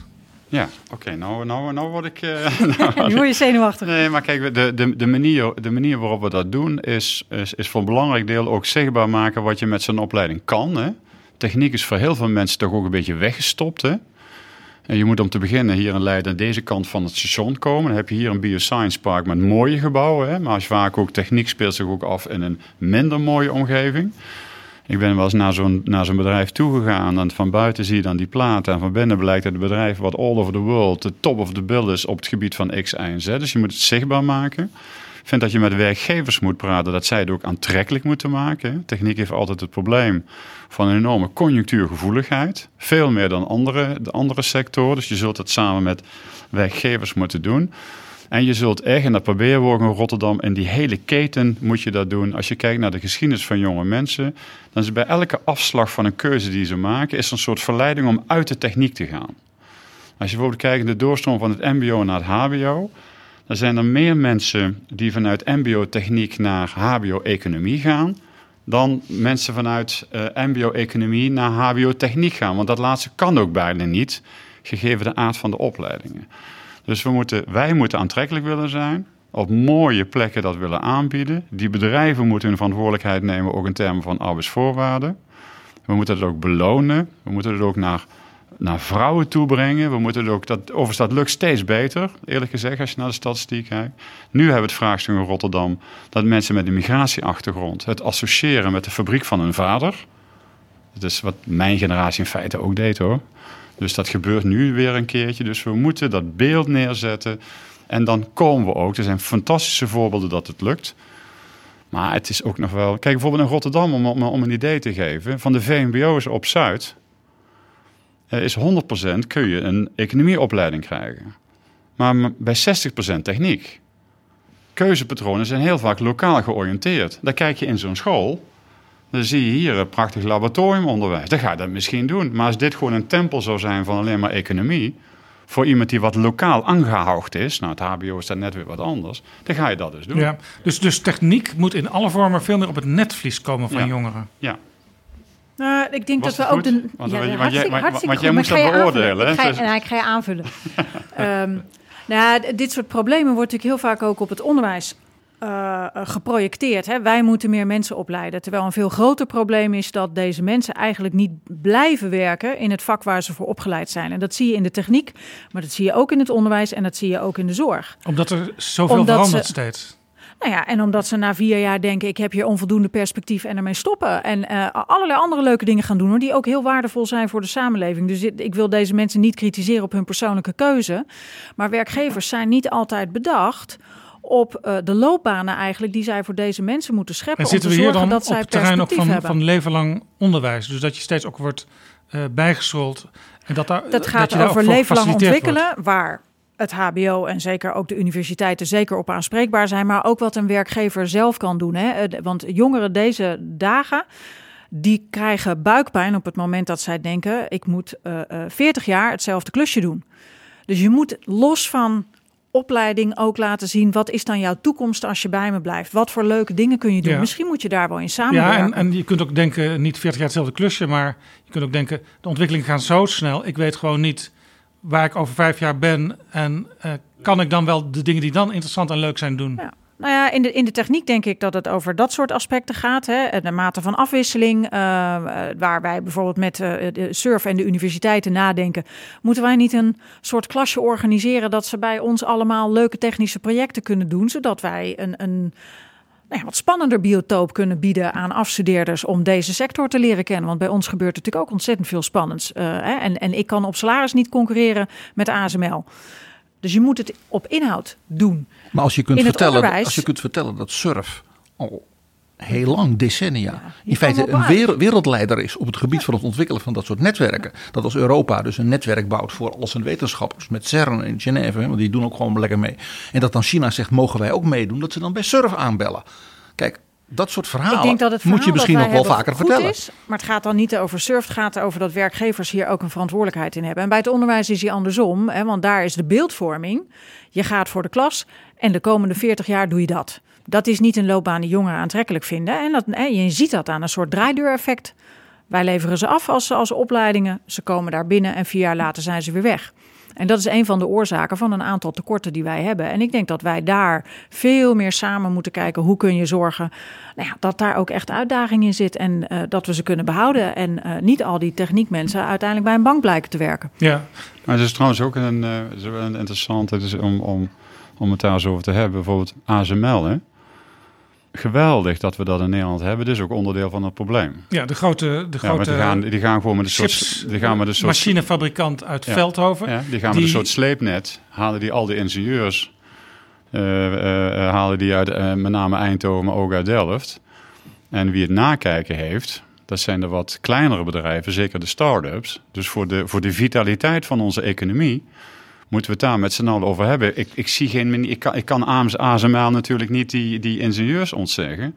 Maar de prijs wordt niet aan die kant betaald. De prijs wordt straks betaald aan het innovatief vermogen van onze, van onze Ja. industrie. Met, met andere woorden, dus als wij eh, met z'n vijven, zoals we hier zitten, een start-up zouden zijn, dan moeten we eigenlijk bang zijn in, in de technische sfeer. Moeten we eigenlijk bang zijn dat één voor één mensen van ons naar ASML in Veldhoven Nou, wat, je dus, wat je dus krijgt is dat die bedrijven de opleidingsschool zijn. Zoals Nederlands voetbal de opleidingsschool is voor, voor, de, voor de grote clubs Ja. in het buitenland.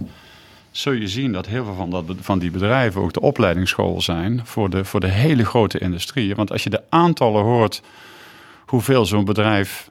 eh, het is natuurlijk fantastisch, hè? Dus het is een enorm succesverhaal. We, we profiteren er zelf. Het is geweldig. Alleen het is ook onderdeel van het probleem. Hè? Ja, maar dat is, moeilijk, dat is moeilijk op te lossen. En die start-up gebeurt dat misschien niet mee. Want dat zijn vaak mensen die gewoon gestudeerd hebben. Die hebben een prachtig idee. Die gaan aan de slag. Ja, en die vinden Maar het ook leuk om het Precies. in eerste instantie kleinschalig te doen Ja. en het zelf te doen. Ja. En dan misschien ook uiteindelijk de winst daarvan te, Ja, te maar op het moment dat dat idee succesvol is en ze moeten opschalen en professionaliseren Ja. en een groter bedrijf worden, dat is het moment dat dat ingewikkeld wordt. Uh, want dan is het heel moeilijk arbeidskracht te vinden. En, en ja, ik denk dat we gewoon moeten nadenken over meer creatieve arrangementen om te zorgen dat je voor dat type uh, bedrijvigheid, uh, nou ja, met een combinatie van opleidingen en, en perspectief in de carrière.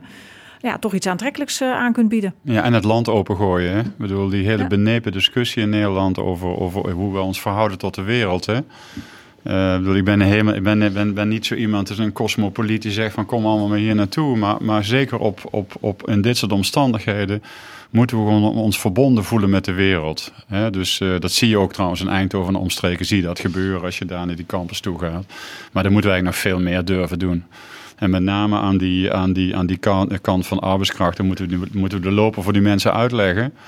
dat ze ons hier willen helpen om onze, in de, om onze industrie, onze, maar ook onze cultuur om verder door te ontwikkelen. Ja. Dat is, dat En is ook een- als docenten, als onderzoekers. eh, de, de, Ja. Het merkwaardige gedoe dat men nu bijna buitenlandse studenten en buitenlandse onderzoekers en docenten ook aan universiteiten. als het ware een soort, soort, soort stempel op de rug zet van die ondermijnen dan als het ware. Eh, hè, Ja. Het feit dan, wie wij zijn, dat bij, is bij, heel bij Sander merkwaardig. van der Einde, want u zat ooit bij Nuffic. Ja, En dan, dan ben je de hele dag bezig met internationale studenten. Ja, ik ben tien jaar lang de hele dag met internationale studenten bezig geweest. Ja. Nou ja, kijk, ehm, Er is soms, soms hoor je als je de Tweede Kamer bijvoorbeeld beluistert van... ja, wat moeten we met al die internationale mensen? ja. Nou, ik denk dat we daar ook niet voldoende goed over hebben nagedacht. Hè, ehm, dus als je daarnaar kijkt, het, ehm, het is een, het, het- heel erg lang is die internationalisering gedreven door, eh door ontwikkelingssamenwerkingsachtige motieven. Hè. Dat was het oorspronkelijke idee. Wageningen. eh, Wageningen, maar ook, ook allerlei andere gespecialiseerde instituten. Eh, daarna werd het heel sterk Europees burgerschap. Hè, en sinds een jaar of twintig is het heel sterk kennis, economie, concurrentie en dergelijke. Hè, wat overigens het risico in zich, eh, zich draagt hè, dat je ook het talent wegtrekt uit landen en gebieden waar het, waar het ook heel hard nodig is. Dus je, ook dat moet je weer op een duurzame manier, eh, manier doen.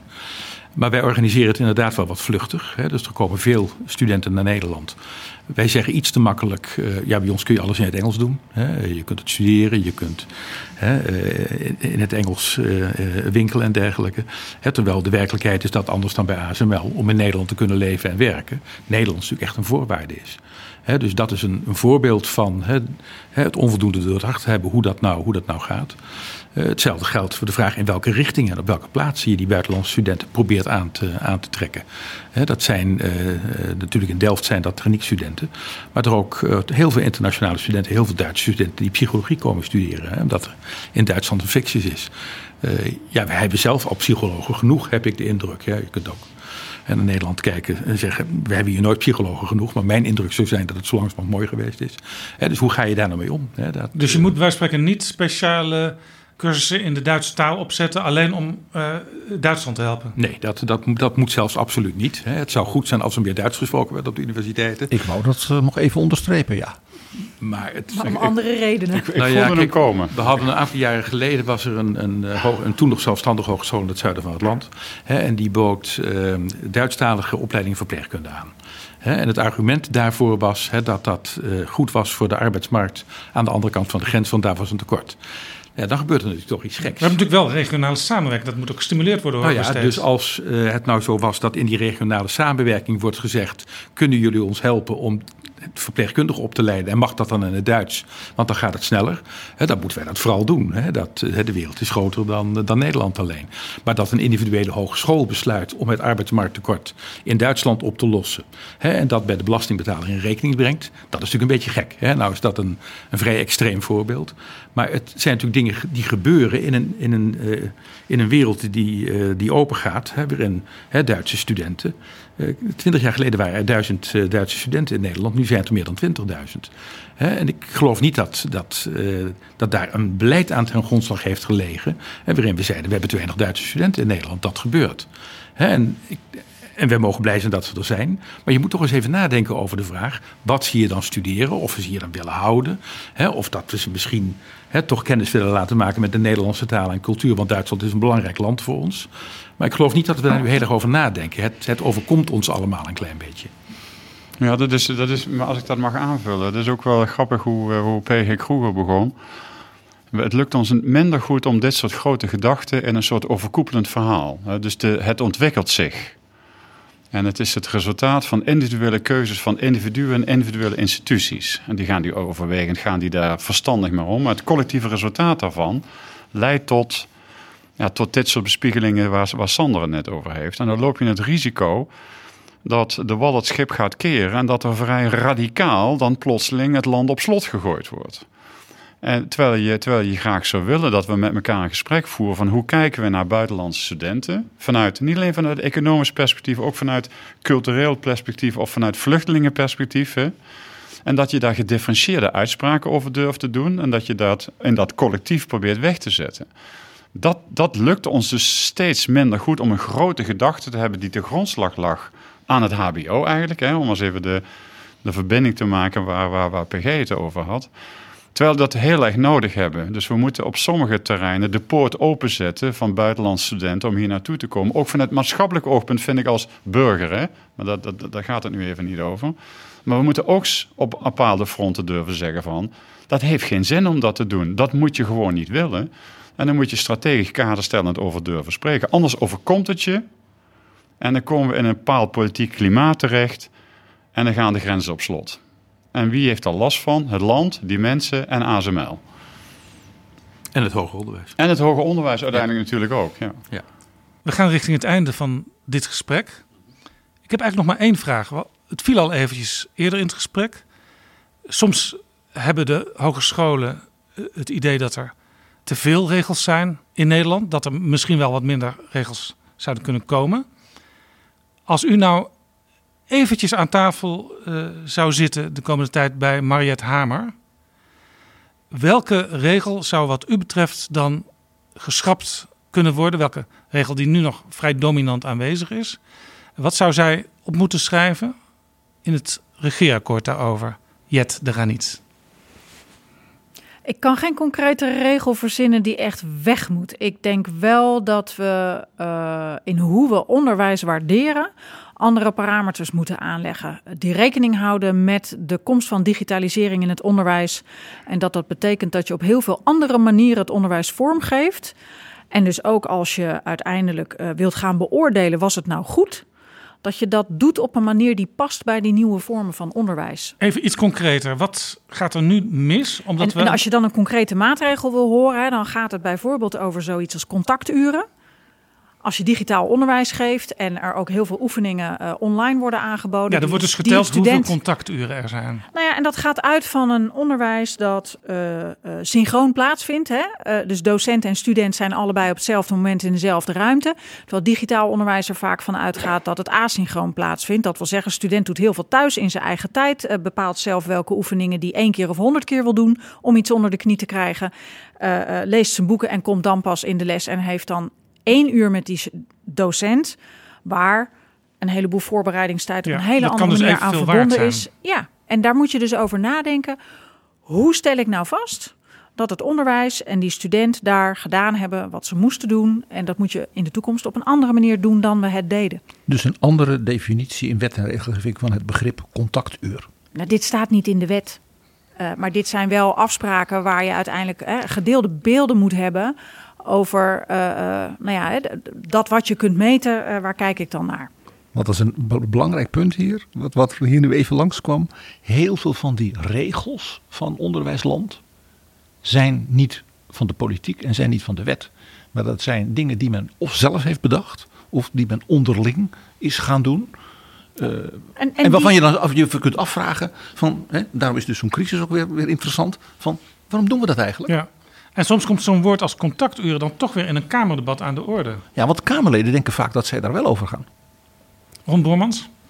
Nou ja, uiteindelijk gaan ze er ook over. Hè. Als, ze, ze, ze, ze, ze, zij hebben een politiek mandaat, wij niet. Hè. Dus ze mogen dan de wet. Wat zou er volgens u geschrapt mogen worden? Nou ja, ik, ik weet dat niet. Want, want uh, de, de meeste regels die mensen dwars zitten, dat zijn fantoomregels. De, ik, heb, ik heb drie keer leiding gegeven aan een grote exercitie om, om met, met, met datzelfde sleepnet door de hogeschool te gaan om die regels op te halen. Dat leidt altijd tot regels die interpretaties van regels zijn. Dus ik denk dat het, ik denk dat het veel belangrijker is dat we in een volgende periode ons nog eens een keer heel nadrukkelijk verstaan met de vraag van wat is eigenlijk, het, wat, de visie van dat hoger onderwijs in relatie tot haar omgeving. Hè? Dat is een van die dingen die we er nog niet over gehad hebben. Het hele vraagstuk van burgerschap, het hele vraagstuk van democratische waarden die zo belangrijk is.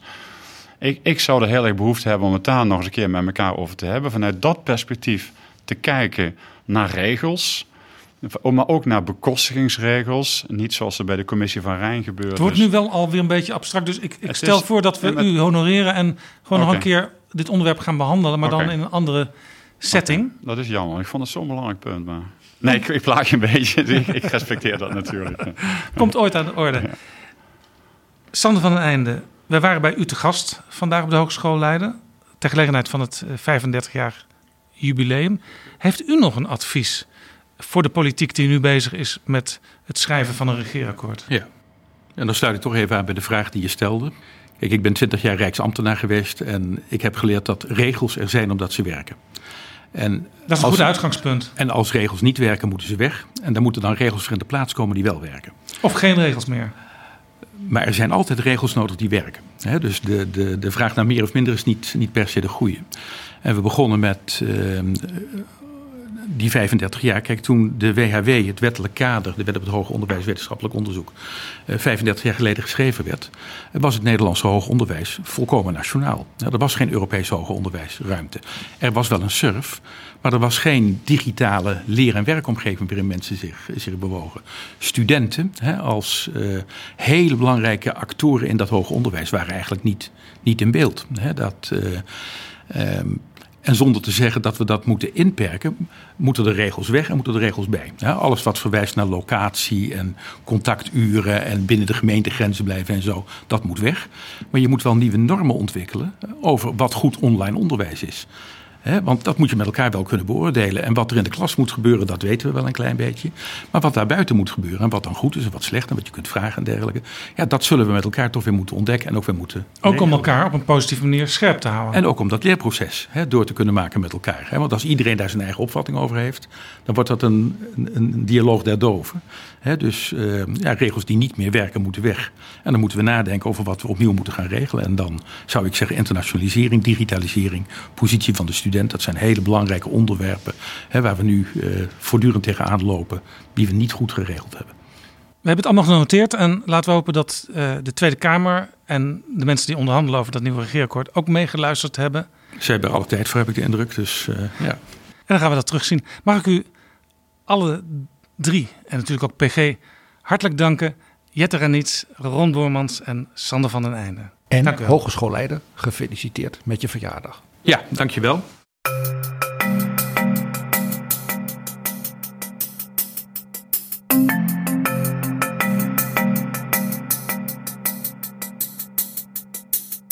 Zo, dit was Betrouwbare Bronnen aflevering 201. Deze aflevering is mede mogelijk gemaakt door de Hogeschool Leiden en door de vrienden van de show. Wil je ook vriend worden van Betrouwbare Bronnen? Ga dan naar vriendvandeshow.nl/slash bb. Aanstaande dinsdag zijn we er niet, dus je zal een week moeten wachten. Maar dan hebben we weer een interessante aflevering waarin we de blik opnieuw richten op de Verenigde Staten. We gaan het dan hebben over Joe Biden. Tot volgende keer. Betrouwbare bronnen wordt gemaakt door Jaap Jansen in samenwerking met dag en nacht.nl.